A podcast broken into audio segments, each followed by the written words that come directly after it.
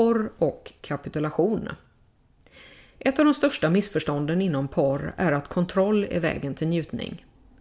Kontroll är kopplat till rädsla och rädsla är ingenting som överhuvudtaget ska förekomma när det rör sex. Rädsla förhindrar tillit och njutning. För sex är det alltså tvärtom. Bra sex bygger på kapitulation. Vad då kapitulera tänker du kanske? Att ge efter, är inte det att förlora kontrollen? Jo, och det är just det som är poängen. Om du känner tillit i relation till den du har sex med så är gränserna mellan era kroppar tydliga. Vad du och motparten känner er trygga med. Ni kan kommunicera, ni vet att ni är i säkra händer. I det läget är det inte farligt att kapitulera känslomässigt, för ni är trygga med varandra.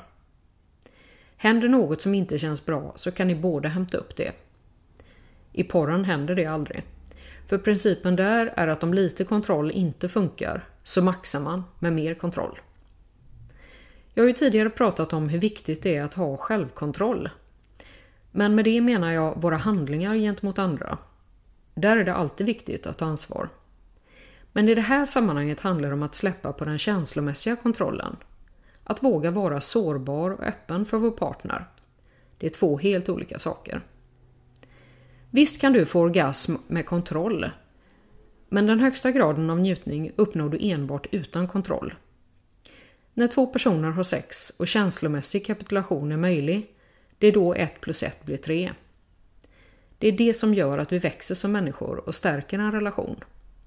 Vi lär känna oss själva på djupet, blir tryggare och ökar vår emotionella kapacitet att älska. Om jag får ge dig ett enda råd angående sex, utöver att släcka ner porran, så är det att fokusera på kapitulation. Nya vintergator kommer att visa sig för dig.